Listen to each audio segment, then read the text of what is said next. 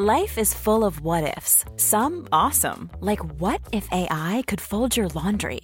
And some, well, less awesome, like what if you have unexpected medical costs? United Healthcare can help get you covered with Health Protector Guard fixed indemnity insurance plans. They supplement your primary plan to help you manage out of pocket costs. No deductibles, no enrollment periods, and especially no more what ifs. Visit uh1.com to find the Health Protector Guard plan for you. There's never been a faster or easier way to start your weight loss journey than with PlushCare.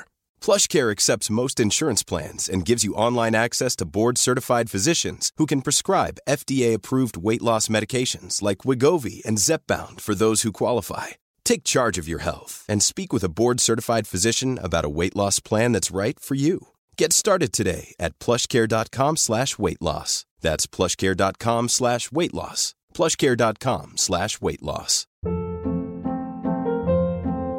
Hold up. What was that? Boring. No flavor. That was as bad as those leftovers you ate all week. Kiki Palmer here, and it's time to say hello to something fresh and guilt-free. Hello Fresh. Jazz up dinner with pecan-crusted chicken or garlic butter shrimp scampi. Now that's music to my mouth. Hello Fresh. Let's get this dinner party started. Discover all the delicious possibilities at hellofresh.com. Ann, vet du vad som nalkas snart? Sommarsol. Och min berömda midsommarfest. Det är din älsklingstradition. Och vad passar då inte bättre än att vi denna vecka sponsras av Rusta? Jag drog iväg till Rusta och gjorde, du vet, den här episka inköpskavalkaden. Alltså de har så mycket bord, stolar. Dynlådor. Och det lampor. roligaste av allt. Ja, Jag vet. lampor, mattor. Skatglittret. Gud vad man älskar det. För jag måste säga så här. Det spelar ingen roll hur fina möbler du har. Om du inte har lullullet, Mm. de fina ljusslingorna, ljusen, lyktorna, blommorna. Kuddarna, Nej, mattorna. Precis. de det måste utemattor. spegla Ja. livet, det underbara livet. Hörni, gör som vi. Gå in på Rusta och botanisera bland alla deras helt fantastiska utemöbler och allt sortiment av det vi väljer att kalla skatklitter för din sommarfest. Tack Rusta för att ni sponsrar Inte din morsa. Tack, vi är så glada. Välkomna till podden Supermorsorna med mig, Sanna Lundell. Och med mig, Ann Söderlund, Vi är så himla glada över att vi har hittat en sponsor. som matchar oss och våra vad ska man säga, principer. Nej, men det, är liksom, det här är för bra för att vara sant känner Precis.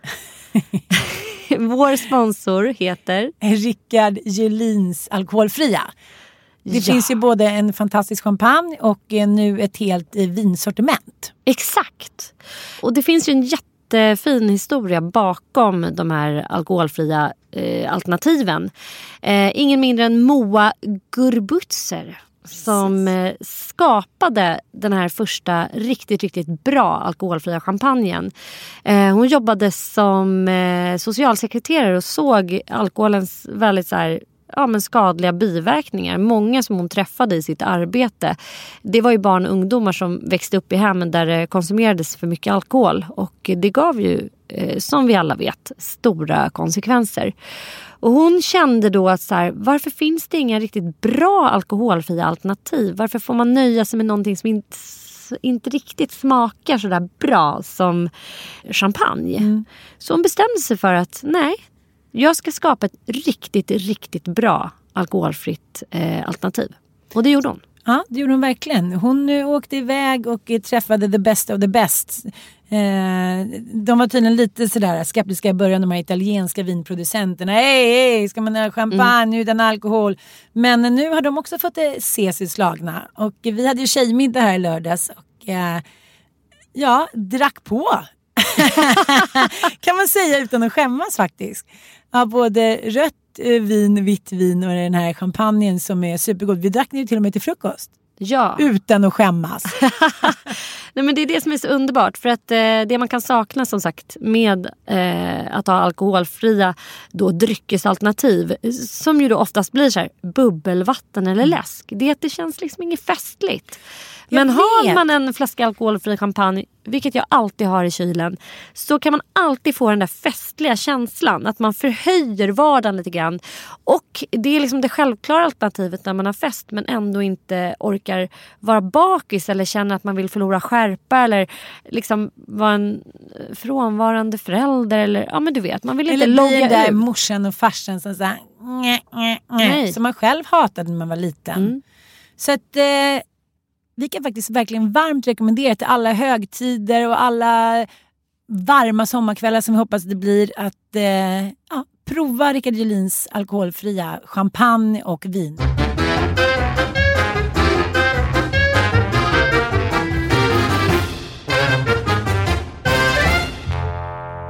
Varmt välkomna till Supermorsorna. Ett litet midsommaravsnitt, eller vad säger du Ann? Ah, så härligt.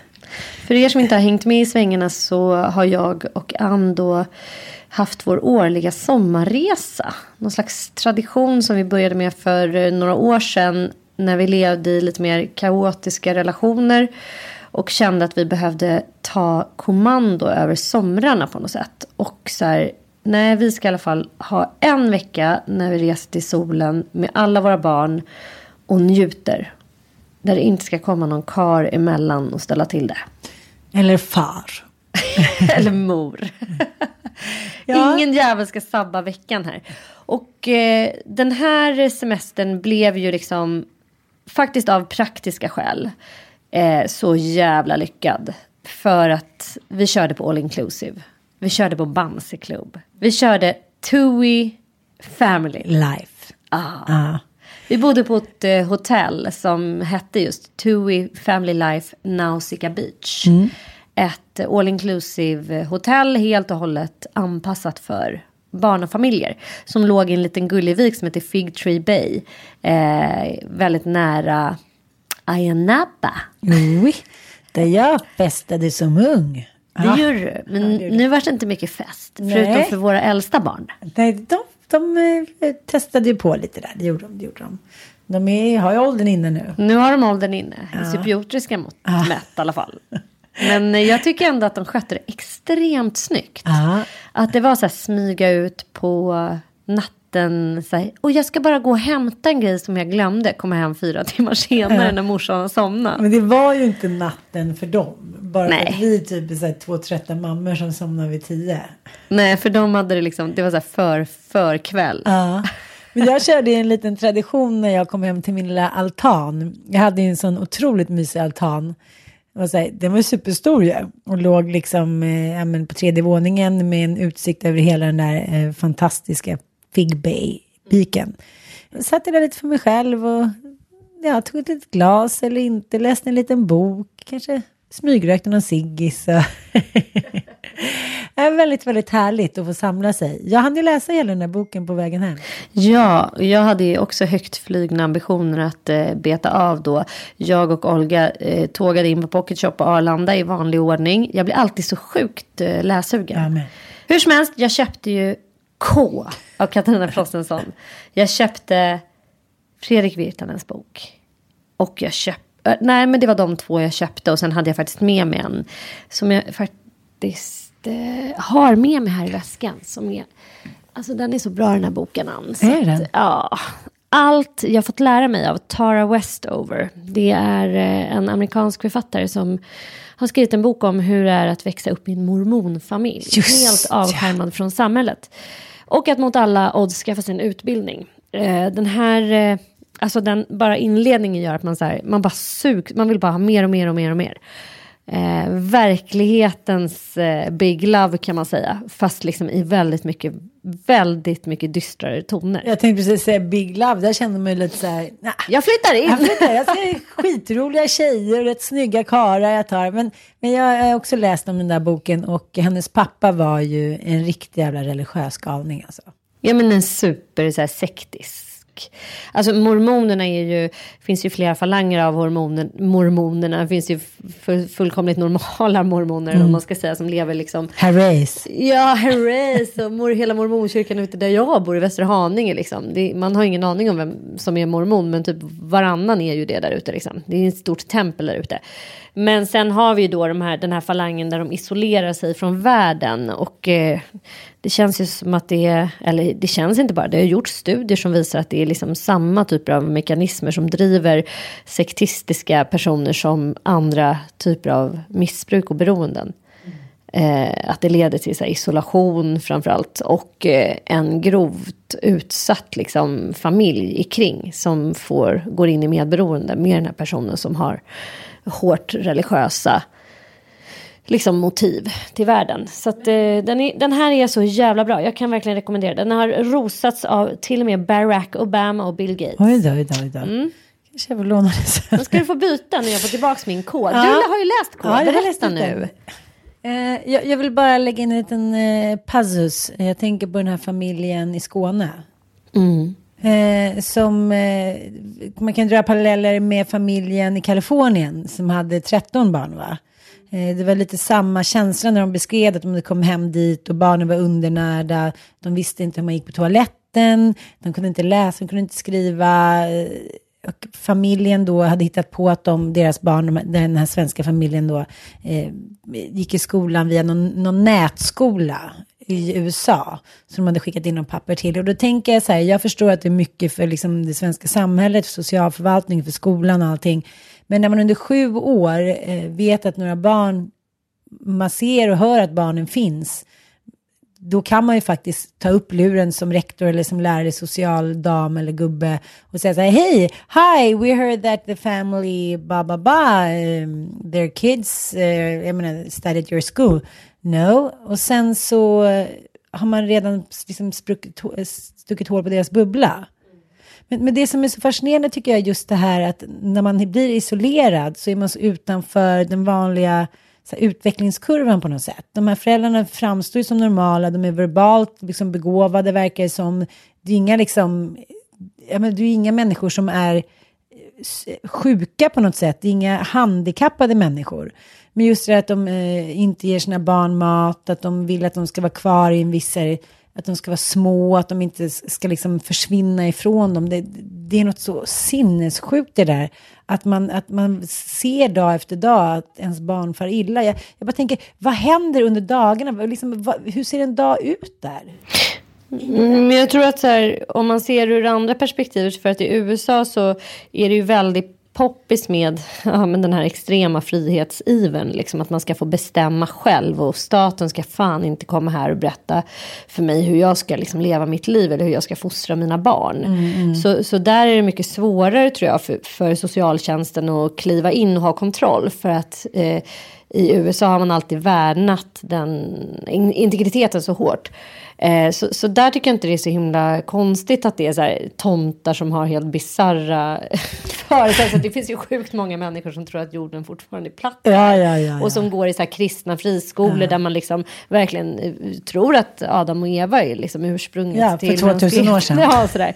Och driver den linjen så hårt och blir jätteprovocerade över att man måste undervisa om darwinism till exempel. Som en del av skolplanen.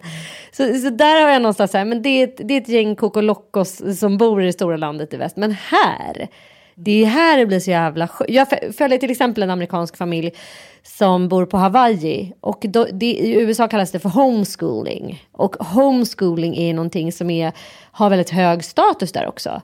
Dels att föräldrarna har så pass mycket eh, utbildning så att de får då eh, de får dispens att utföra homeschooling av sina egna barn. Du, du kan ju inte vara vilken liksom så under utbildad person som helst och få, få liksom ha hemskola till dina barn. Utan du måste ju ha någon typ av examen eller universitetsutbildning. Eller så. Och den här veganska mamman och pappan de bor på Hawaii i typ en koja och eh, skriver veganska kokböcker som de ger ut och har då stora konton på sociala medier där de delar med sig av vegansk matlagning. Och de har ju homeschooling och de menar ju att de gör sina barn en enorm tjänst. De har ju homeschooling med andra familjer som lever på liknande sätt så att deras barn ska slippa stressen i liksom den moderna tiden och de bara går runt barfota och typ har lektioner på stranden. Ja men fast det är väl en annan grej om man är så här många familjer som går ihop. Men det är det att man inte har det ögat som samhället utgör. Så liksom, det är ändå det kritiska ögat. Mm, det som ser det. till att barn inte far illa. Det är det vi har strävat liksom, mot sen grottiden hit och dit. Att vi ska här, hjälpa varandra. Det kan ju inte bli liksom... Det kan ju inte finnas i sådana stora maskhål i det nätet. Mm, det väl, men man kanske kan sammanfattningsvis bara säga att all form av när en familj isolerar sig är inte det bland det obehagliga som det är finns. så jävla obehagligt.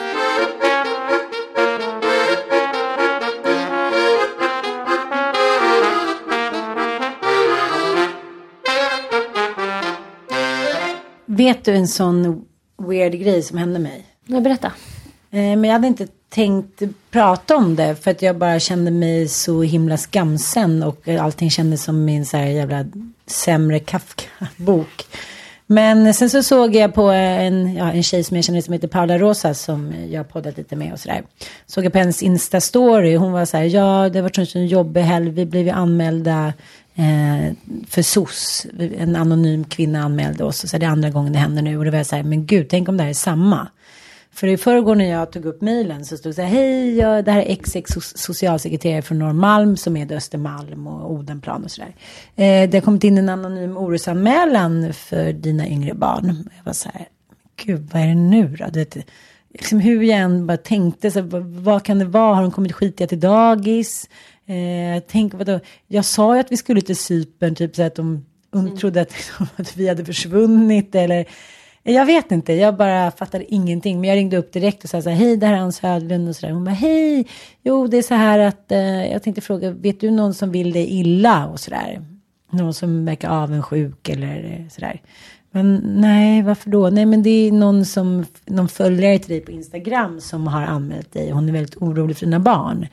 För du har tydligen lagt ut en film som heter Kvälls-Juck i Valleviken när din son står och så här, låtsas jucka sexuellt. Och så här, så här, Jaha, okej, okay. har du själv tittat på det här? Så här, Nej, det har jag inte. Jag tänkte att det var någon så här, som ville det illa, så jag ville bara ringa och prata med dig. Och så kom jag på den där filmen i somras när Bobo helt plötsligt fick frispel och bara dansa runt där nere på kaféet nere vid Valleviken. Och det var så himla roligt. Och så skrev jag bara så här kvällsjuck i Valleviken för att det var så roligt liksom. Då så har hon anmält det då för att hon tycker att, att mina barn så här, ligger nakna och dräller typ på min Insta. Och då var jag så här, gick igenom min Instagram och tog ju direkt bort den där filmen som jag bara inte alls kan förstå att den kan eh, kännas att det är något sexuellt anspelande. Då sa jag till henne också, den där sostanten, hon sa det, ja, eh, det är ju väldigt känsligt, du kanske skulle ha ett, ett, ett anonymt konto liksom, eller ett privat konto där du kan lägga ut bilder som då jag vet inte, lite mer känsliga och sådär. Och ja, det är väl bara att du ska tänka på det och sådär. Det är, det är ganska vanligt problem det här med kända människor som har bloggar och Instagram, att de blir anmälda och sådär. Så nu har jag ju inte en bild där de ens liksom överhuvudtaget man ser ett ben utan en sko eller en, liksom någonting på. Men alltså för fan vad det var hemskt. De minuterna som jag inte visste vad det gällde. Eh, och jag har en annan kompis som också har råkat ut för att hon har blivit anmäld. Och så här, det, det slår ju mot ens innersta liksom, skamkänsla, så att man skulle vara en dålig mor. Och hon vill inte anmäla mot dina äldre barn för de verkar inte vara med på nakenbilder. Jag var så här, men gud, det här är sån galenskap. Liksom. Och de vet ju inte vem det här är, det är ju anonymt. Otroligt obehagligt. Och det är framförallt otroligt obehagligt att någon har kommit på att det är en väldigt så här, för att eh, en anmälan måste utredas Ja. enligt socialtjänstlagen. Man kan inte negligera den även om det verkar helt otrovärdigt. Eh, samma grej hände mig. Eh, När Lo var två och ett halvt år så ringde en socialsekreterare och berättade att jag att de hade fått in en, an, eh, en akut orosanmälan. Därför att jag ska då ha setts vid Nytorgsparken kraftigt misshandla ett mycket litet spädbarn. Troligtvis ha dödat det. Men döda? Och de sa, ja vi ser ju här eh, på dina uppgifter att du inte har ett väldigt litet spädbarn utan en pojke som är två och ett halvt. Men är det så att du har varit barnvakt till ett mycket litet spädbarn? Och du vet, den första reaktionen är att man blir så här, vad fan är ni snackar? Är ni helt galna? Va, va, hur kan ni ens ta det här på allvar? Ni ser att jag inte... Om jag hade liksom haft ihjäl ett spädbarn mitt på centrala Södermalm så hade troligtvis polisen varit inblandad vid det här laget. Alltså det, då, man blir liksom jävligt provocerad åt det hållet också. Ja, ja. Att de, och hon var så här ursäktade sig så här, gud jag ber verkligen om ursäkt men vi måste, vi måste utreda alla anmälningar som Det är kommer in. inget så här vanligt påstående. Du verkar här, vä- vänta nu när vi tittar här eh, i våra böcker så verkar det som du har dödat ett mycket litet spädbarn. Stämmer det fröken Lundell? Alltså det är så Nej, men det är absurt. så absurt. Och att jag ska ha stått och sagt matat slag, alltså kraftigt misshandla, som troligtvis då skulle ha dött av den här misshandeln. Och dels är det ju obehagligt, alltså att det finns människor som har liksom eh, syn och hörselhallucinationer, det, det är en sak liksom. Men, men att man inte ställer några kontrollfrågor då som socialsekreterare när det kommer in en anonym orosanmälan liksom, eh, med sådana här bisarra påståenden. Då kanske man kan liksom stä- ställa några typer av frågor så, här, va, ja, så tänker jag innan man faktiskt gör slag i saken och skrämmer livet ur den liksom. Ja, för det är ju det, man blir ju dödsskrämd. Ja, men sen också så här, i ditt fall, då är det ju så här, det där är ju en, jag tycker det var konstigt att den här socialsekreteraren ens skulle så här råda dig till vilken typ av bilder du ska lägga upp eller inte. Det där är ju en pågående diskussion och eh, jag är av, av, av det, alltså titta, då skulle man inte kunna ha konst som Saluman till exempel producerar. Hela fotografiska är liksom en stor utställning på hennes barn i olika eh, väldigt då nakna positioner och, och så här, för då vissa personer som tolkar in det här som någonting sexuellt. Alltså för mig är det så jäkla asexuellt med barn som är nakna och jag blir rasande när jag hör att människor läser in Så här, ah, i sexuella påsar. Man, alltså barn kan inte befinna sig i sexuella påsar Nej. överhuvudtaget eftersom de inte är, är sexuella för mig och för att jag har ingen som helst koppling till eh, att sexualisera barn. Men så, så för mig blir det så här, jag blir helt tokig att någon jävel ska så här, bestämma över hur barn ska porträtteras. Bara för att så här, det eventuellt finns peddos där ute som ska då sitta och runka till bilder på ens barn. Alltså jag bara tycker det är väldigt, väldigt obehagligt. Jag lade till exempel ut en bild på eh, Foxen i morse när han sitter i en diskho. Och då tänkte jag så här, men nu kommer liksom flera människor hävda att det här är, att det här är opassande. Nu såg man ju liksom ingenting av hans man såg så här, mage och armar och typ lite ben. Så man ser ju ingen rumpa eller så. Men, men redan där tycker folk att det är för avklätt då. Jag pratade med, med en, eh, en kille som är pappa, ja, extra bonuspappa till eh, två tjejer som är i tonåren. Han sa, jag vågar ju inte ens titta någonting nu. Jag är livrädd för vad, vad de ska tycka, vad omgivningen ska tycka. Det har liksom skapat en så här, någon terrorbalans tycker jag, hela den här. Att så fort man tittar på någon och lägger ut någon bild, då är det liksom Ja, då är det pedofilier som, pedofiler som ska komma och runka till det där eller ha med det i olika filmer hit och dit. Och jag tar verkligen det där på allvar, det är inte det, men, men jag har aldrig lagt ut någonting där man ser något kön. Om det är någonting då sätter jag för liksom någon mygga eller någonting, någon liten ja, hittepå-grej från eh, ja, Insta. Men, men just det där sättet hon sa då, ja det är någon, någon av dina Instagram-följare, är det någon som vill dig illa? Det är obehagligt. Ja, hon bara, det här är ganska vanligt. Och så här, jag bara, så kommer jag tänka på den där kvinnan som hörde av sig för några veckor sedan och höll på och så här, jag tycker inte du ska lägga ut. Och, men när hon hade här, skickat flera gånger, då, då blockade jag henne och skrev bara så här, vet du, jag kan ta ansvar för det där själv, men tack för omtanken, men nu blockar jag dig. Förmodligen var det hon då. då. Ja, högst troligt. Det, är, det är någonting väldigt... Eh, alltså, det är den där mamma-scammingen. Jag tycker det är så läskigt för Paula Rosas då. Eh, hon berättade att hennes man då hade blivit anmäld för att ha kört bakom dottern som skulle lära sig cykla i en bil. Men de var inte ens där då. Alltså de var inte ens i Stockholm då. Så det, är så att man kan bli anklagad för att människor tror att det är någon. Och då hade hon sett liksom honom då, för han är ju en stor liksom, bloggare och stor på Instagram att med hur man falskeligen kan bli utpekad. Det är lite som du och jag har läst mycket om eh, häx.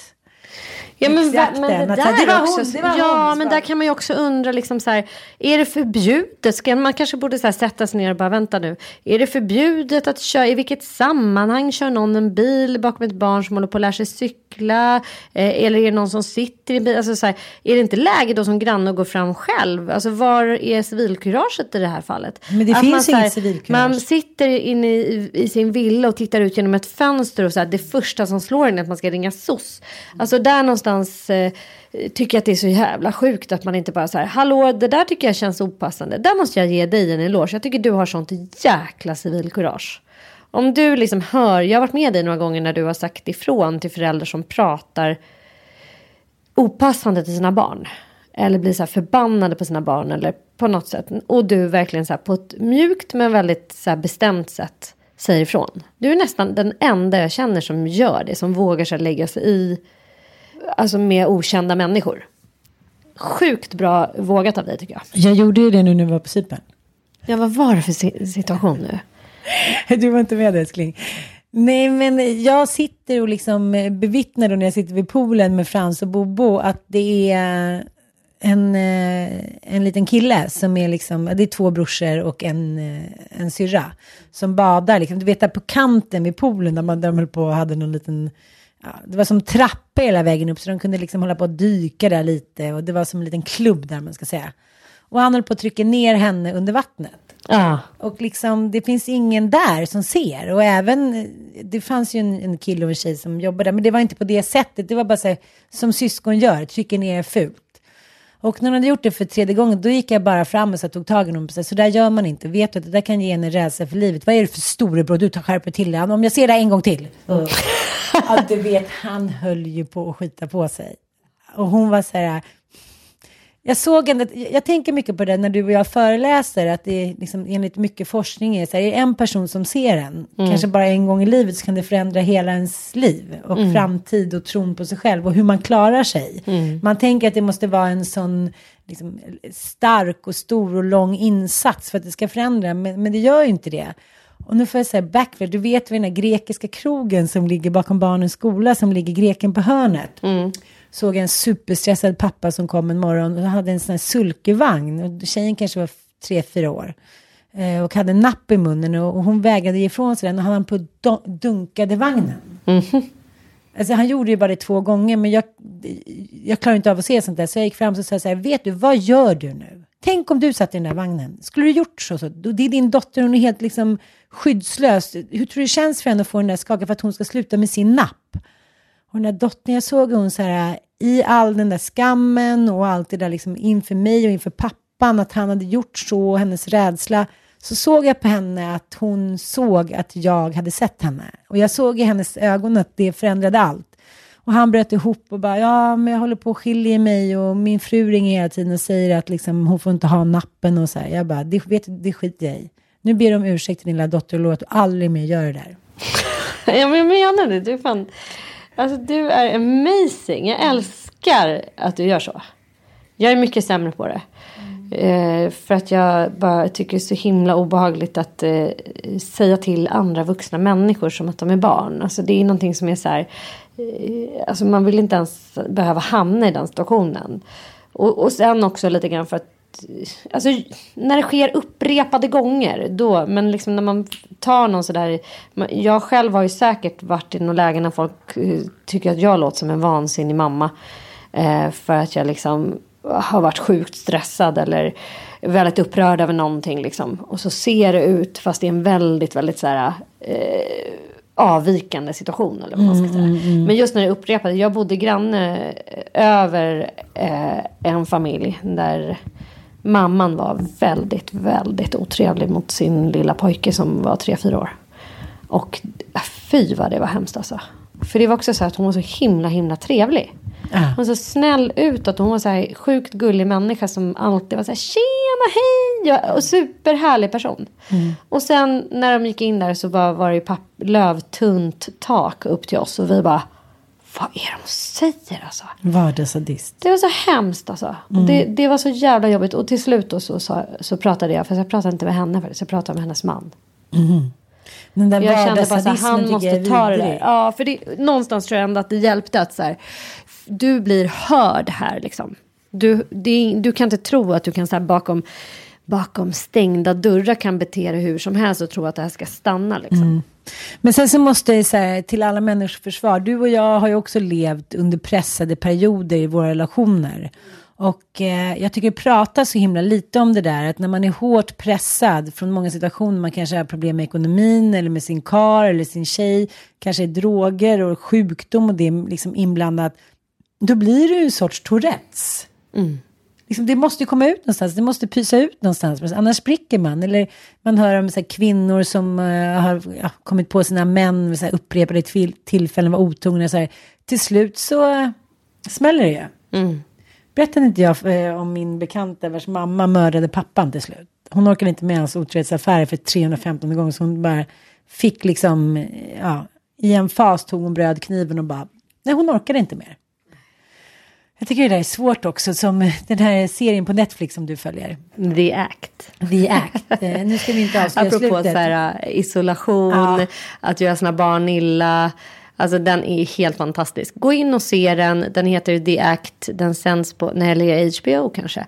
Och den är, det är i alla fall um, våran älskling Patricia Arquette Mm. i huvudrollen. Eh, den, den är based on a true story. Eh, handlar om eh, en flicka, eller Münchhausen by proxy. Favoritämne. Men du, jag måste bara, det här är så roligt att vi har ju, det far iväg.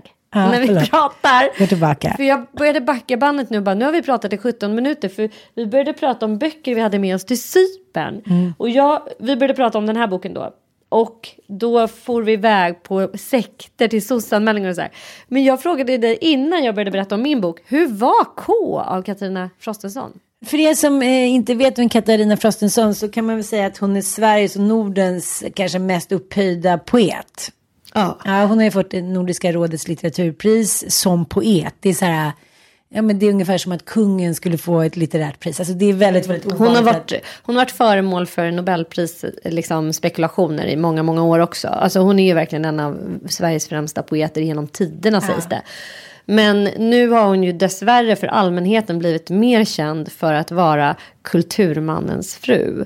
Och kvinnan som då fick stiga ner från tronen, eh, en av de Aderton-stolarna i den svenska, svenska akademin. Hon har ju då efter att hennes eh, man Jean-Claude Arnault eh, blev dömd för våldtäkt skrivit en bok om hela den här härvan som heter K. Och det är klart att man är sjukt intresserad av att se hela den här röran från hennes perspektiv på något sätt. Och du hann ju före. Som en gam slog du ner och bara tog den ett stycke, drog iväg med den till en solstol och, och sträckläste. Där blev jag snål. Där blev jag... men, men det var ju ändå intressant att de två böckerna du hade köpt, det var ju Fredrik Virtanens Utan nåd och eh, Frostenson. Så det är ju två, vad ska man säga, formidabla försvarstal. Ja, men det är också en så här, för mig som journalist och jag tror också för dig, metoo-rörelsen, eftersom vi har det här journalistiska perspektivet, så har man ett behov av att så här, få verkligen ett så här, eh, helhetsperspektiv över hela metoo, över exakt vad det är som händer. Just, just i den här rörelsen så har jag klivit utanför. Jag har inte gått in i den här aktivismen. För att jag har känt att så här, vänta nu, jag, jag måste få se det här eh, med ett helhetsperspektiv. Så därför har de där böckerna också varit så, alltså jag har bara suktat efter dem. Och jag suktar ännu mer efter analyser, liksom analyser. Vad var det som hände egentligen under den svenska metoo eh, alltså rörelsen. Och eh, analyser från andra länder som går in också och tittar liksom nu utifrån. Så det är därför det är så jäkla, ah, jag bara går igång så hårt. Men det var ju liksom Sverige och USA, det var ju de två länderna där metoo briserade som allra starkast. Så när man pratar med människor man känner i Danmark, de bara, vad menar du? Där har det liksom briserat förbi som en fjärt i rymden. Så att, eh, jag tycker att det är rätt coolt med Sverige. Så här, ofta när det händer sådana här revolutionerande saker så är vi där. Vi är långt fram inom teknik och internet. Eh, när det sker sådana här liksom jämlikhetsdebatter, då står vi längst fram. Vi är liksom moderna människor på något sätt tycker jag. Vilket, vilket på något sätt får vi ge oss en eloge. Men det som händer är att jag tänkte på det senast igår. För en kompis till mig skulle intervjua Fredrik Virtanen i sin podd. Mm. Och frågade om jag hade några frågor. Och då tänkte jag så mycket på det där att eh, Fredrik Virtanens fru, eh, Carolina Ramqvist, som är en väldigt känd författare, som eh, är sprungen ur kanske det rödaste skötet någonsin. Hennes mamma var en av de eh, liksom, mest aktiva inom Grupp 8-rörelsen och har skrivit mycket böcker och artiklar. Och så så att, eh, hon har ju stått vid Fredriks sida, men inte yttrat sig överhuvudtaget. Men eh, Katarina har då gjort det. Och det är ju vanligare att liksom, kvinnor försvarar sina män i, ja, i sådana här utsatta lägen än att män gör det. För det är på något sätt ännu mer skandal. Men män har det liksom fram till metoo egentligen varit, ah, ja men boy will, boys will be boys typ. Och det var väl, men, men jag tycker att det är så hisnande att tänka på just det där, att det i så många tusen år har varit okej okay att bete sig som de här männen har gjort och ändå få vara eh, högt aktade människor i samhället. Så det här är dels ett försvarstal inför honom då som hon hela tiden nämner, min älskade, som att de vore typ 12 år gamla precis har träffats. Hon känns väldigt sådär eh, flick tokig. Och liksom hon, Katarina betyder den vita mön eller den heliga eller något sånt där. Mm. Och det återkommer hon ofta till sådär. Och, att han påminner henne om det. Ja. Att du är den vita mön. Ja, enligt fransk ja. mytologi. Och så, så ska hon också liksom svärta ner sig själv lite. Att hon, hon som författare har gått in i sin egen värld och då han har fått vara ensam. Så förlåt för det min älskade och sådär. Men sen ju längre boken eh, fortskrider så tycker jag att det liksom på något sätt tonaliteten ändras. Dels så är hon ju mer, de är isolerade, hon, de flyr ju bokstavligen hals över huvud mm. till liksom Frankrike och Paris och får lämna sin lägenhet Eh, och hon står ju då anklagad också för att ha tagit del av ekonomisk vinning och inte stått med på företaget. Men där tycker jag hon försvarar sig bra. Hon bara, har vi tjänat en femma om fimp liksom. Men, men det som är, är att hon ändå ska härleda det här till den svenska avundsjukan. Att människor är så avundsjuka på bland annat att hon fick det här priset och Alltså förstår du, det håller inte. Det är liksom, det är det enda hon klamrar sig fast vid, att det är därför han har blivit anklagad. Hon tar också upp det här caset som eh, med prinsessan Victoria, att han ska ha tagit eh, handen på hennes rumpa. Ja. Men att det var liksom att han höll, liksom, du vet, föste henne framåt i stort sett. Mm. Och det där är också svårt att avgöra om man liksom, det är också när man blir dömd på det där sättet. Då kan man ju aldrig ha gjort någonting chantilt eller gentlemannamässigt eller som du och jag, man kanske tar tag i någon och för sig framåt eller män så här, ska hjälpa en någonstans. Om någon ser det från håll så kanske det ser ut som någon tar en på brösten eller tar en i rumpan eller liksom trycker till. Men det kanske bara är en, liksom, en vänskaplig handling som vi inte alls uppfattar så. Så på det sättet så är det så här, är du dömd så är du dömd. Liksom. Och det är ju samma sak. För allt du är på något ja, sätt. Att varenda, varenda eh, smekning eller varenda så här, att röra vid någon för, mm. för den som är dömd för den här mm. typen av brott blir ju att betrakta ur sådana glasögon. Mm. Men, men hon, hon skriver mycket om att det är verkligen någon idé och hon, hon refererar otroligt mycket till så här, jag menar, historien, författare, berättelser, fabler, eh, antikens liksom, eh, ja, ja, det är väldigt, väldigt mycket, väldigt mycket korta stycken ur människor eller ja, ska man säga, typer som hamnat i liknande situationer. Men det som jag tycker är intressant med den här boken är, även om man blir anklagad för saker, så slutar man ju inte älska och åtrå livet och varandra. Mm. Och det har du väl själv känt någon gång att man är så här, men gud, tänk om en snubbe skulle bli anklagad för hitan och ditan och det skulle visa sig vara sant. Och det var i liksom en postumtid. Hur fan ska man reagera rent moraliskt? Alltså, om, om personen som man älskar inte längre är så, sen är det annorlunda om man har liksom molestat barn eller mördat, men om det är någonting som står till exempel en anklagelse från en annan kvinna eller från en chef, lite, lite, alltså det moraliska i Jaha, ska man stanna eller ska man gå? Jag tycker det verkar väldigt svårt. Där, där är jag väldigt kristen måste jag säga. För mig handlar ju förlåtelse, jag kan förlåta i stort sett vad som helst så länge en person är medveten om att han har gjort den här personen illa. Och det är väl det som gör att i Fredrik Virtanens fall så är det så jävla svårt att ha så här förlåtelsens glasögon på sig. För att han tycker inte att han har gjort något fel. Han kan inte inse, han tycker att han har varit tölpig och det är ju tråkigt att man nu för tiden typ eh, inte accepterar sånt. Men det gjorde man på 90-talet typ, mm. eh, lite grann så. Att han liksom inte tycker att han har någonting att be om ursäkt för. Eh, om någon har gjort en illa och genuint liksom eh, visar skuld och, och liksom ånger inför det och verkligen så förstår att fy fan vad jag gjorde fel där och har liksom ångest över hur, hur man gjorde och handlade. Det är jag beredd att förlåta liksom, när det är väldigt långt. Liksom, eh, då kan man gå väldigt långt. Jag hade ju liksom min mamma som ju var bipolär och gjorde mycket saker som var svåra att förlåta. Eh, det var väldigt svårt att liksom, hon var ju bara väldigt mycket av den här att hon ville bara så här stryka ett streck och gå vidare. Hon orkade inte hålla på, hon ville liksom inte, det, jag tror att hon drabbades av sån enorm skuld. Och ångest över att tänka på eh, många av de sakerna som hon gjorde liksom när hon inte riktigt var sig själv. Eh, så att hon, hon ville liksom inte prata om det sen. Och det, det, det, då går det ju inte att komma vidare. Nej. Man är så här, nej men alltså, vi måste sätta oss och prata. Vad fan var det som hände? Jag måste förstå vad det var som gjorde att du gjorde så här. Och jag måste veta att du ångrar det här. Jag måste veta att du gör allt vad som står i din makt för att inte det här ska ske igen. Något löfte om det liksom. Eh, finns inte den komponenten med, då är det jävligt svårt att förlåta alltså. Ja, men liksom förlåtelsen blir ju, den blir ju så ihålig. Den blir bara som utskjuten kanon, men den liksom landar aldrig på marken för att vi ska inte prata om det. Men jag... Ja, ja, det är sånt som händer. Nu går vi vidare härifrån. Mm. Typ. Nej, det är inte så. All, I alla konflikter så måste man liksom eh, mötas och förstå att så här, båda parter kan ha sårat varandra och man måste kunna inse det. Alltså det handlar ju om självinsikt. Det är bara då det går att förlåta tror jag. Och, och jag läste någonstans det har gjorts en, några försök att liksom intervjua våldtäktsmän. Och sen kan man ju tycka vad man vill om det. Liksom, är deras berättelser verkligen viktiga? Men problemet är att det typ inte går att få deras berättelser. För att alla som har våldtagits och dömts för så här grova våldtäkter.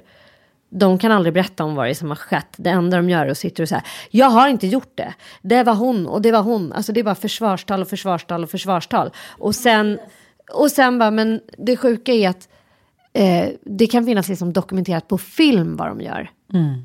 Och ändå så är det som att säga, ah, fast det där är fejkfilm. Alltså mm. förnekelsen är så jävla hård och den sitter så starkt, troligtvis för att man skulle typ eh, inte kunna leva med den skammen om man bara agerade som att man faktiskt hade gjort det där. Men jag tänkte på eh, Ted Bundy. De vill att vi ska komma ner nu. Vi blev precis klara så ni kan komma ner. Ja, vi måste gå ner. Vi får trycka på paus.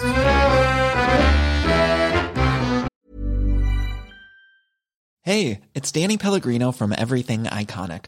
Ready to upgrade your style game without blowing your budget? Check out Quince. They've got all the good stuff shirts and polos, activewear, and fine leather goods, all at 50 to 80% less than other high end brands. And the best part? They're all about safe, ethical, and responsible manufacturing. Get that luxury vibe without the luxury price tag. Hit up quince.com slash upgrade for free shipping and 365 day returns on your next order. That's quince.com slash upgrade.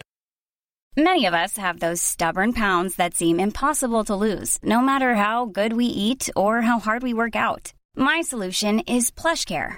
PlushCare is a leading telehealth provider with doctors who are there for you day and night to partner with you in your weight loss journey. They can prescribe FDA-approved weight loss medications like Wagovi and Zepbound for those who qualify.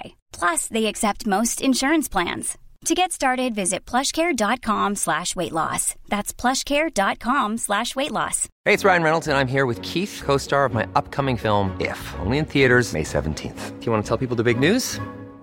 All right, I'll do it. Sign up now and you'll get unlimited for $15 a month in six months of Paramount Plus Essential Plan on us. Mintmobile.com slash switch. Upfront payment of $45 equivalent to $15 per month. Unlimited over 40 gigabytes per month. Face lower speeds. Videos at 480p. Active Mint customers by 531.24 get six months of Paramount Plus Essential Plan. Auto renews after six months. Offer ends May 31st, 2024. Separate Paramount Plus registration required. Terms and conditions apply if rated PG. A lot can happen in three years. Like a chatbot may be your new best friend. But what won't change? Needing health insurance. United Healthcare Tri-Term Medical Plans, underwritten by Golden Rule Insurance Company, offer flexible, budget-friendly coverage that lasts nearly three years in some states. Learn more at uh1.com. Ny plats, samma podd. vi tog en liten paus och nu sitter vi... För vi ska säga så här. För de eh, lyssnare som undrar varför det är lite bisarrt ljud och varför vi liksom, ja, det är ett annat ljud nu. Och så här. Vi är ju på en tv-inspelning. Mm. Vi är bittra. Men det, det tar vi in på längre fram. Jo, men det, därför, det är liksom, ni måste ändå ha det med när ni lyssnar på den här podden. Att vi är lite bittra. Och eh, vi är alltså, vi kan inte ens säga vart vi är för då kommer ni lista ut eh, vad det är för tv-inspelning vi gör. Men vi är på ett slott någonstans i Sverige och vi eh, sitter i en bil. För det är någon typ av åskoväder och eh, vi kunde inte vara kvar i det där slottsrummet där vi var. Jag kommer ihåg i början när man poddade, då var det jättemånga som poddade på sin iPhone och satt i bilen för det var det bäst ljud. Hanna och Amanda gjorde det. Ah. Det, jag gillar det där gamla podderiet när det Ja. inte är superproducerat och så. Men jag und- Jag vi får kolla det. hur det här ljudet blir. Jag tror det här kommer bli ganska dåligt. Ni får överseende. Det Ja, är sommar ändå. Ni kan få höra en liten anka om ni vill i bakgrunden. Nej, Och en bil. Ja. Snart åska också. Nej, men för att, för att säga- göra ett avslut kring den här boken K. Mm. Så är det liksom eh, rent innehållsmässigt så hon håller ju en hög klass. Men, men det är liksom så sorgligt att bevittna. Det blir liksom som en dåres försvarstal. Den bristande självinsikten Ja, igen. hon, hon, hon, liksom, hon älskar den här mannen så mycket. Hon har gjort det i alla år trots att hon förmodligen, jag kan ju inte liksom påstå eller hävda med all rätt att hon har vetat om alla han, hans shitty head-stil. Liksom. Så bara fortsätter hon att tro att de är liksom det romantiska kärleksparet och börjar också ta på sig själv lite grejer.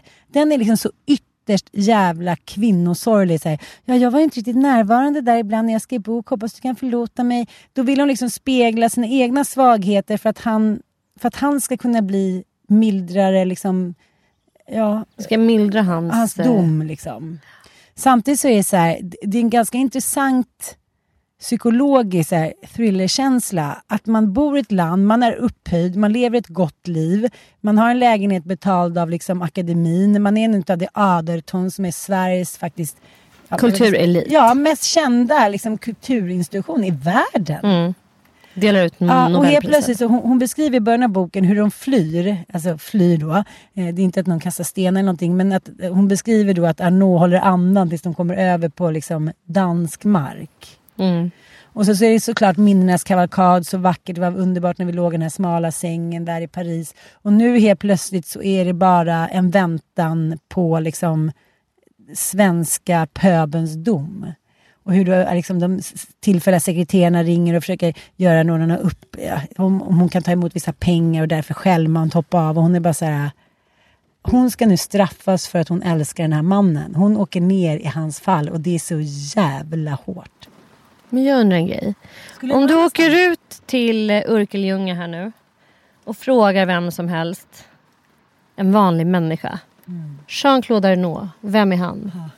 Tror du att folk vet det? Tror de bryr sig? Jag, jag tror att det har varit svårt att undgå. Det har ju också varit smaskigt. Liksom, vi alla människor tycker ju om när det är så snask, sex, glamour och kungligheter. Alltså, nej, jag tror att det har varit svårt att undgå. Det har varit för mycket liksom eh, såpopera inblandat menar, i det. det är ändå skillnad på så här, kungen och på en så här, fransman som driver en extremt smal kulturklubb. Nere i en källare. I Stockholm där det är liksom fyra gäster per fredag. Mm. Men- där de så här, läser högt ur Proust. Men fan, liksom, vi, alltså, ursäkta Käkar mig. varm, så här, ljumna, fesljumna mackor och rött vin i tetrapack. Ja, för att de är fattiga och alltid har Fast varit. är inte det här liksom eh, högmod går före fall? Är inte det här liksom överklassens och kulturelitens eviga fall? Att de hela tiden är så jävla inne i sin upphöjda värld. Att de inte fattar att folk kanske inte bryr sig så jävla mycket. Jo, de tillskriver ju varandra enorm... Jag, jag lyssnade på när Alex Schulman eh, intervjuade Horace eh, Engdahl i sin podd eh, Schulman show. Han har ju en intervjupodd. Eh, och han, det var ju lite kontroversiellt att han intervjuade Horace där precis i, i samband med att eh, kulturprofilen då hade blivit dömd. Liksom. Och Horace menade att eh, ja, fast vadå? Eh, det kan ju vara så att han är oskyldig i alla fall i stort sett. Alltså han stod fortfarande på, så på kulturprofilens sida. Eh, men han pratar ju också om att så här, de har ju en idé om sig själva Eh, som att de, de är liksom ovanför alla andra människor. Och det är väl det som gör att de är så jävla tacksamma mål. För att det är så här, sitt inte där uppe och tro att du är någonting när du är precis som vilken annan skitstövel som helst. Det spelar ingen roll att du har så här 250 högskolepoäng i litteraturhistoria när du ändå är liksom ett as som går och klämmer brudar på arslet. Alltså, spelar roll. Så här, eh, alla, alla, alltså, vad heter det? Lika för lika på något sätt. Men det är, det är en grej som jag tycker varit intressant både med Virtanen och eh, Horace och även med Jean-Claude. Det är att de har små specialiteter. Sadistiska specialiteter. Alla, det vet ju alla i våra kretsar att göra en Virtanen är ju att dra upp trosan och liksom dra upp i rumpstjärten. Har du, det har jag aldrig hört. Ja. Och eh, det var ju det hon berättade, hon kvinnan som hade blivit våldtagen eh, av eh, Jean-Claude i, i, i akademins lägenhet i Paris. Och då kände jag lite så här, när han är där och slisk, slaskar ensam på sina semestrar, varför ska han ha tillgång till den här lägenheten? Det har ju varit liksom en klubb för inbördes beundran som de har använt liksom kulturelitens eh, lägenheter och bostäder och hit och dit. Som, så här, som att du och jag skulle låna varandras hus. De Fast har- samtidigt så här, det är en grej som jag tycker att eh, vi har liksom lite grann blandat ihop här i Sverige. Svenska akademin bekostas ju av liksom typ det är inte offentliga skattemedel som går in i Svenska akademins eh, eh, kista. Det är ju, och inte ens kungens apanage går in i Svenska akademin. Alltså Svenska akademin deras ek- ekonomi vilar ju på så fonder från Gustav IIIs tid. Det är liksom, de har en helt egen ekonomi som inte belastar svenska folket om man säger så. Och deras fastigheter är så gåvor från olika kungar som, som då har liksom givits till Svenska akademin. Eh, men sen verkar de ju ha då kanske lite luddiga regler. Hur får de här nyttjas? Är av, jag, jag, jag har svårt att tänka mig att någon skulle bli upprörd om det vore så att eh, Horras fru Ebba fick låna en eh, liten etta där i Paris. Jag tror inte någon hade brytt sig. Jag, och jag kan tänka mig att hon säkert har fått göra det också. Ja, det nu vet jag inget om det men jag kan tänka mig att då skulle det liksom inte vara några konstigheter. Men sammantaget att han är ett asshole som får åka runt och, och, och, och våldta människor i de här fastigheterna. Det är där det blir fel. Liksom. Om han hade åkt runt där och typ tagit hand om gatubarn så hade ju ingen tyckt att det här var Nej, nej, nej det är Sjukt. sant. Men, det- men det är det som också är, eh, som såklart man blir tagen på så sängen, att folk har tyckt att man har varit ball. Det är lite som man umgås med människor som har drogat och sen så har de klarat av att droga eller dricka och sen har de gått över gränsen. Då helt plötsligt, då är de alkoholister, de är knarkare men innan var det bara, men han är lite cool, han är hippie. Han är skitskön, han är såhär på, så här, gränslöst cool snubbe. Och Ja. sen plötsligt så bara tippar över. Och då är det någon, då, då ska alla bara, då är de som gamar människor. Mm. Och det är samma sak med kulturprofilen. Nu har jag sagt hans namn flera gånger här men han är ju faktiskt dömd. Men kulturprofilen har ju liksom varit omtalade i alla fall i, mina kretsar. Vi som är födda på 70-talet och vuxit upp på Söder i Stockholm. Alla har ju vetat vem han är. Och jag känner flera tjejer som har haft frivilliga sexuella eh, relationer med honom. Och som har beskrivit det som att det, det är någonting man skryter lite med. Att så här, fy fan vad sjukt men ändå coolt. Typ. För han är liksom en oh, hottie typ. Och nu bara, det finns ju ingen som skulle vilja säga Nej. det. Det finns ju ingen som skulle våga säga jo men jag tyckte det var jättemysigt. Men du och jag är en väldigt god vän som gick på en eh, fin skola på Östermalm. Hon sa ju så här, alla visste ju vem Jan Kladd var. Han gick ju på skolgården. och Klådan. Liksom, klådan och kollade på 14-åringar. Och jag kommer ihåg att jag kände ett svagt ögonblick innan allting briserade att jag var typ den enda han inte hade tafsat på, på Café Opera. Så jag var lite så här, vad fan, jag kan inte ha varit Vad är ett dugg fel på ja, mig? ja. Så att, men, men eh, det där är också ett problem. Det där tycker jag är någonting som har utvecklats. På 70, liksom 80 och 90-talet då fanns det vissa snubbar som var untouchable. Som man tyckte så här... Eh, att man, man ville, liksom, de fick knulla hur mycket de ville och med vem de ville för det var lite coolt. Ja, eller att de, hade, de fick någon typ av uppburen position. Men jag funderar mycket på det också. Det tycker jag är en analys som har saknats i metoo-rörelsen. För om man ser på skillnaden mellan USA och Sverige. I USA, de män som har fallit där, där bilan så att säga har träffat. Det har varit verkligen maktens män. I Sverige har vi låtit eh, bilan falla över så här, dels är, det är så kulturmän. Men det är inga kulturmän som är högt uppsatta. Det är ingen så kulturminister eller någon som verkligen sitter på reell makt. De försökte ju få eh, Benny Fredriksson eh, att liksom falla och han gjorde det men det fanns liksom ingenting att fälla honom på. Nej, jag fattar. Eh, Det var liksom ett drev som drogs igång. Man bara, för vad? Att han råkar vara en så hård ledare. Men han hade ju ingenting med metoo att göra. Och Virtanen, han, är så arbetargrabb från Motala. Född in i verkligen så finsk arbetarklass, eh, obildat liksom, och har lyckats ta sig därifrån och göra värsta klassresan och hamna som ledarskribent på Aftonbladet. Ja visst, han hade en viss typ av makt men, nej, men han är ju inte ansvarig utgivare för Aftonbladet. Han är inte chef, han är inte VD. Han sitter inte och har den typen av makt. Han har ordets makt. Han har blivit läst för att han har skrivit jävligt bra. Eh, det är skillnad tycker jag. Det är som jag hade önskat att så här, vad fan, det känns som att man har plockat några ganska lätta mål. Även Martin Timell är så här, han är inte chef för TV4.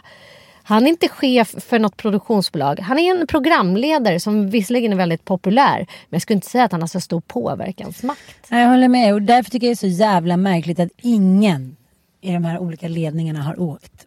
Ingen av dem. Och Alla. ingen av dem har så här, fast jag vet flera där uppe och det vet du också. Mm.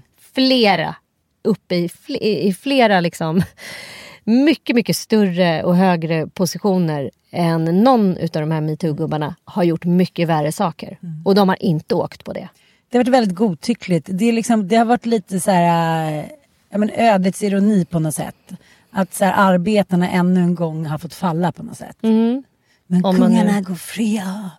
Ja. Ja, men Kommer du ihåg boken hon skrev för vår egen kung? Den liksom bara så här gled förbi lite obemärkt. Den kom inte upp nu i metoo-tider heller. Nej, nej, Nej, där var det, ingen, det är ingen som vill avsätta honom direkt. nej. Trots att han verkligen kvalar in. Eh, som, Camilla Henemark. Ja. Det, var det hon som skrev boken? Nej, det var ju den, vad hette den? den motvilliga monarken. Ja, det var en just det. journalist som hade fått Just tillgång till olika berättelser.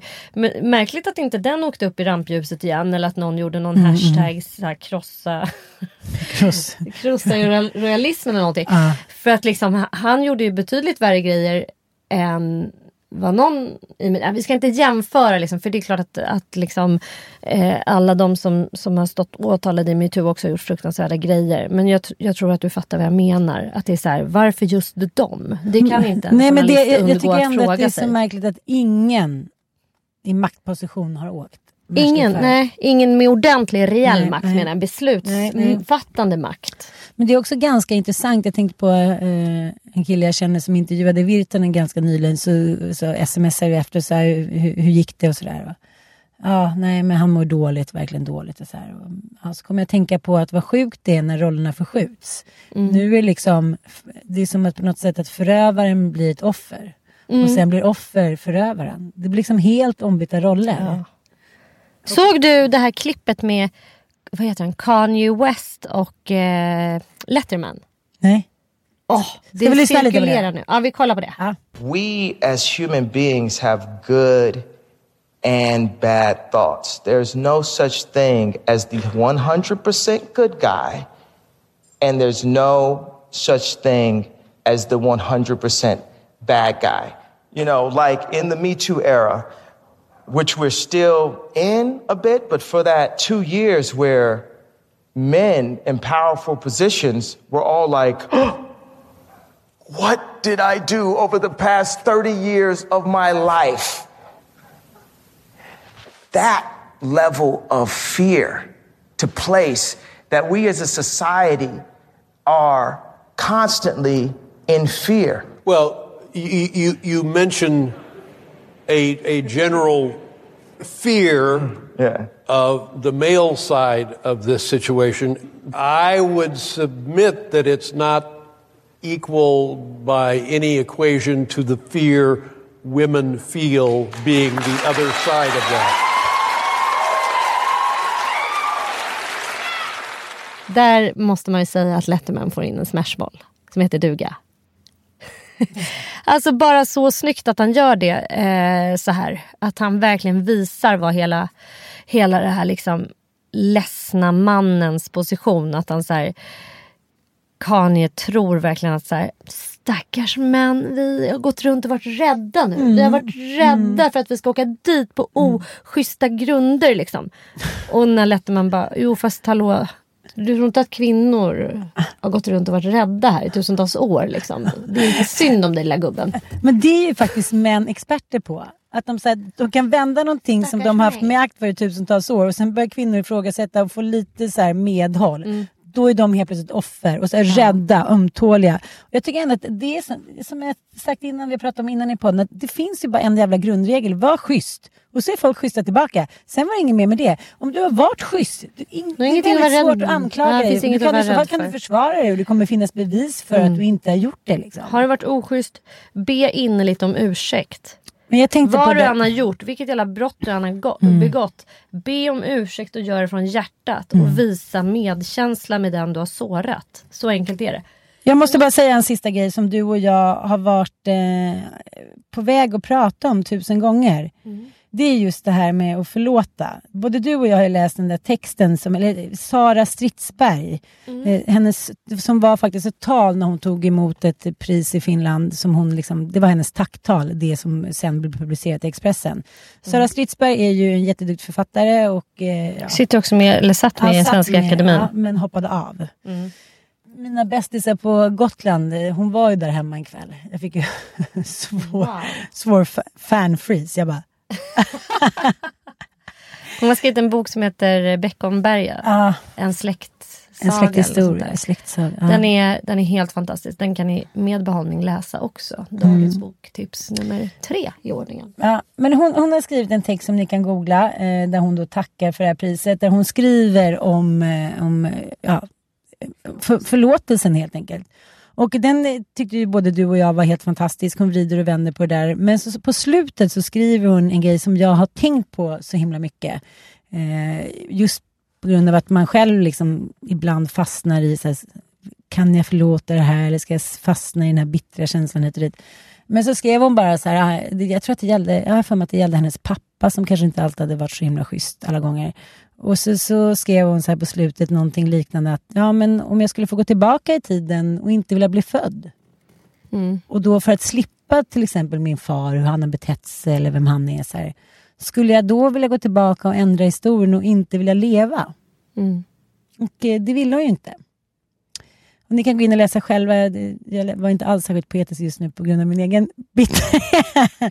men, men, men det finns ju någonting i det att det finns något, också som hon sa, att endast oförlåtliga är förlåtligt. Liksom. Mm.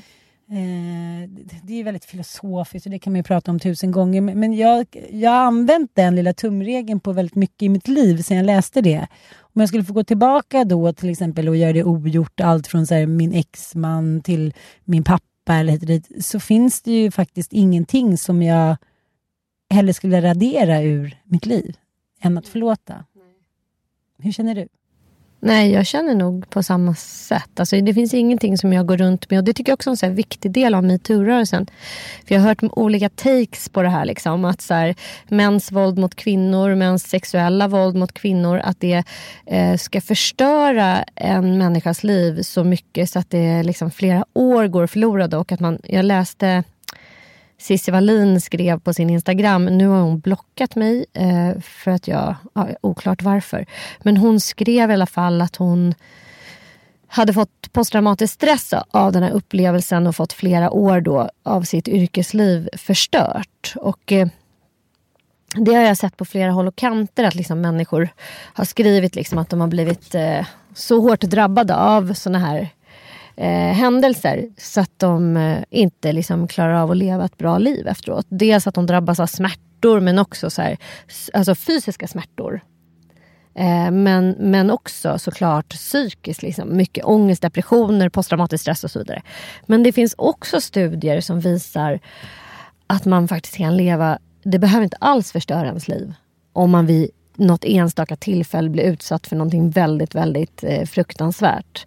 Eh, det behöver inte alls vara så att ens liv blir förstört. Eller jag läste en studie om våldtäkt. Att liksom så här, det kan vara lika hemskt att leva eh, med stigmatisering, stämningen efteråt att människor tror att man är ett fuck up bara för att man har blivit våldtagen en gång. Mm. Och att man är liksom ett offer for life eller att hela ens sexualitet skulle ha blivit förstörd för att man en gång har blivit våldtagen.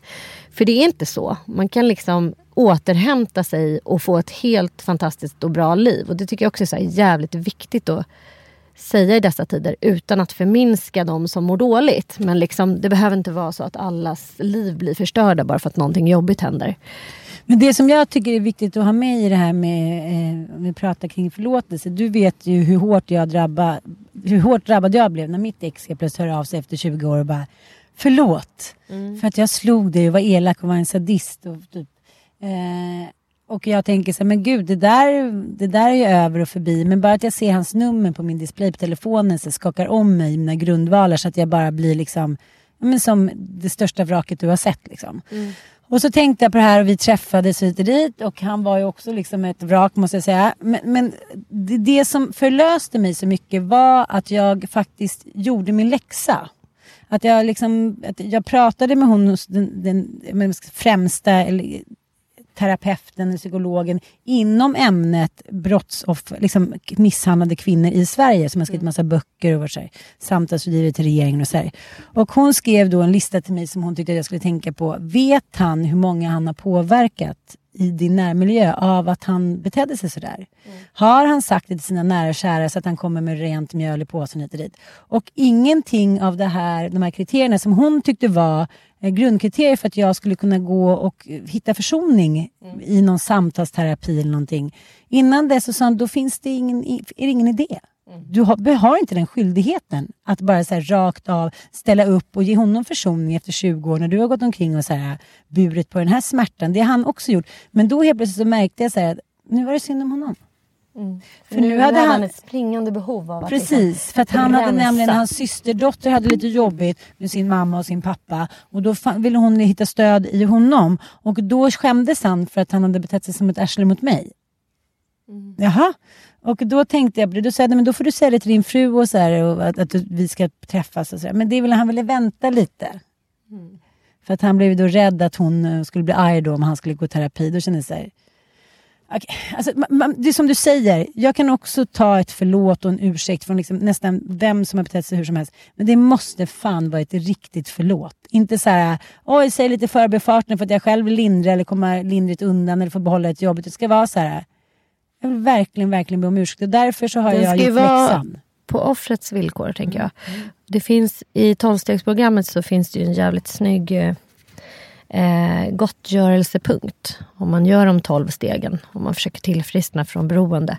Så handlar det ju om att man dels ska gå igenom alla sina egna liksom, karaktärsdefekter och allt man har gjort och skriva en lista liksom, på det. Och sen ska man ju gottgöra dem som man har gjort illa. Och den där gottgörelsen den kan ju se extremt olika ut. Allt ifrån att man faktiskt ringer upp någon och säger så ledsen för att det här har hänt. Men om man tror att det skadar den personen mer. Då får man göra någonting annat. Då får man gottgöra på något annat sätt. Om det så är att man så här, eh, jobbar extra i liksom på Stadsmissionen eller volonterar med liksom den här, människor som är drabbade av den här problematiken. Alltså man gottgör fast man kanske inte gör det liksom så som man, så, som man själv vill göra det för att det ska kännas Åh vad skönt, nu har jag liksom bockat av henne och honom från min lista. Liksom. Och det, det kan man ju tänka på om man har gjort någon annan illa. Liksom, att så här, man, får, man får tänka lite grann på uh, vart det ska landa.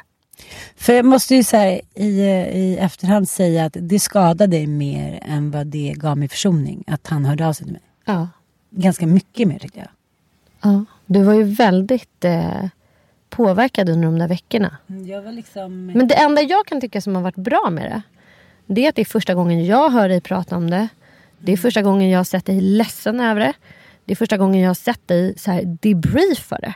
Du är ju lite mästare på att bara så här, ja ja, min mamma dog, nu är det bra. Typ. Alltså att du bara ska så här, du ska gå vidare och så gör du någonting kul istället. Nu väckte det här liv i någonting jävligt jobbigt för dig och du kunde inte riktigt fly ifrån det. Och jag fattar och har all respekt för att det där var jävligt klantigt gjort av honom. Men för din egna personliga del så tror jag också att det var bra att du fick prata med liksom Mattis om det.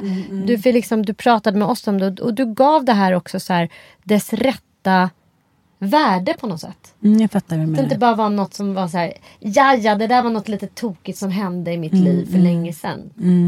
Förstår du vad jag menar? Mm. Och På det det, kanske- kanske... kanske det var bra. Och, ja precis och det kanske också är det viktigaste av allt när man känner att man har eh, blivit utsatt för någonting till skillnad. Men samtidigt så är det så här, det blir ju eh, det blir för fan en helt omöjlig uppgift. Som du tar Virtanen och Jean-Claude. Jag bara, det är svårt att gå vidare liksom. Jean-Claude, liksom, han kan aldrig komma tillbaka till Sverige. Han är liksom på den gamla tiden, han är landsförvisad. De är nästan båda landsförvisade.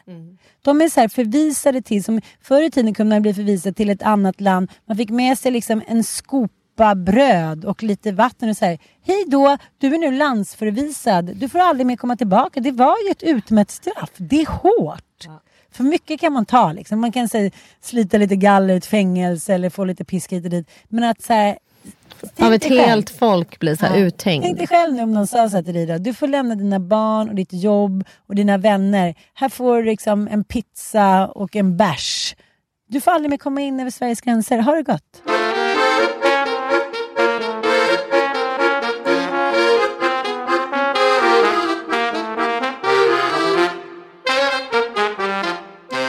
Du, för att återgå till vår eh, resa. Jag måste säga att det här var så otroligt härligt. Det var liksom det perfekta. Småkidsen kunde liksom bada i en liten så babypool med ett segeltak över sig, åtta timmar om dygnet. Dina mellankids, det var Bamseklubb för hela slanten. Skattjakter, så bra personal verkligen. Ja, så otroligt gullig och charmig och inkännande. De bara gick in där och ville aldrig gå därifrån. Nej. Och sen var det ju show då på kvällen. Mycket bra. Vi var ju lite tveksamma. Men ändå stod vi där på kvällarna och sjöng med. Vi tyckte ju att den höll lite kanske back. såhär, Ja, Okej. men grejen att den var ju så extremt barnanpassad. För barnen var ju tokiga i de här. De tyckte att det var kändisar på scen. Mm. En annan grej som var sjukt bra, det var liksom hela matidén. Det var ju frukost, lunch och middag som serverades liksom på fasta tider. Bufféer med liksom olika teman varje dag. Så det var inte samma buffé varje dag. Nej, mycket bra. Mycket bra. Mycket bra mat. Särskilt pastan blev väldigt mat. Ja, pastan, herregud. Nej, men det var mycket och det var liksom så fräscht och det var också nyanserat, det var lite spännande, det var lite överraskande. Men det som mina, så, våra teenagers älskade, det var ju det där lilla buffestället precis vid poolen. Snackbar. Nej, men alltså hur goda grejer. Små sallader. Jag vet inte hur många ton chicken nuggets de har dragit i sig den här veckan. Sjuka mängder. Och också att de så kunde hoppa över frukosten och ligga kvar och inte drabbas av hets och panik. För att de visste att de kunde gå och käka nuggets. Men det var skönt. Alltså vattnet på Cypern, herregud. Det håller en viss fräschör och nivå som man har väldigt svårt att hitta i övriga Medelhavet. Till och med Grekland tycker jag hamnade i skuggan här. Helt Och jag, fantastiskt. jag tänker på vår andra resa där för två år sedan när vi skulle hyra ett eh, kulturhus mitt i soja. ja, liksom, det ska vi göra när vi själva. vi har kommit fram till att ja, det var helt fantastiskt. Men då kanske vi i fortsättningen gör det med två barn. Så här, vår plan är ju att vi nu ska åka med alla barn. Det är kanske är lite galenskap om man ska få Helenorden hit, hit och dit. Men nu funkar det ju faktiskt. Och just det där att vi båda var utvilade, vi båda hade en härlig vecka och alla hade en härlig vecka. Det var ingen som satt och var uttråkade lite dit. Nej, jag är väldigt, väldigt nöjd och jag måste slå ett slag för det där hotellet och även all inclusive. Two is all inclusive. Verkligen. Mm. Two is family life. Det är där de har Bamseklubb och- och tjofaderittan. Bamseklubben, hur kan man misslyckas? Och han var ju runt där också, Bamse. Det var ju små Gick parader runt. hit och dit. Ja. De blir så, de blir så stjärnögda. Jag tänker så här, ge till folket vad folk vill ha. Det har de gjort genialiskt. Så tack Tui. Puss och kram, vi ses nästa vecka.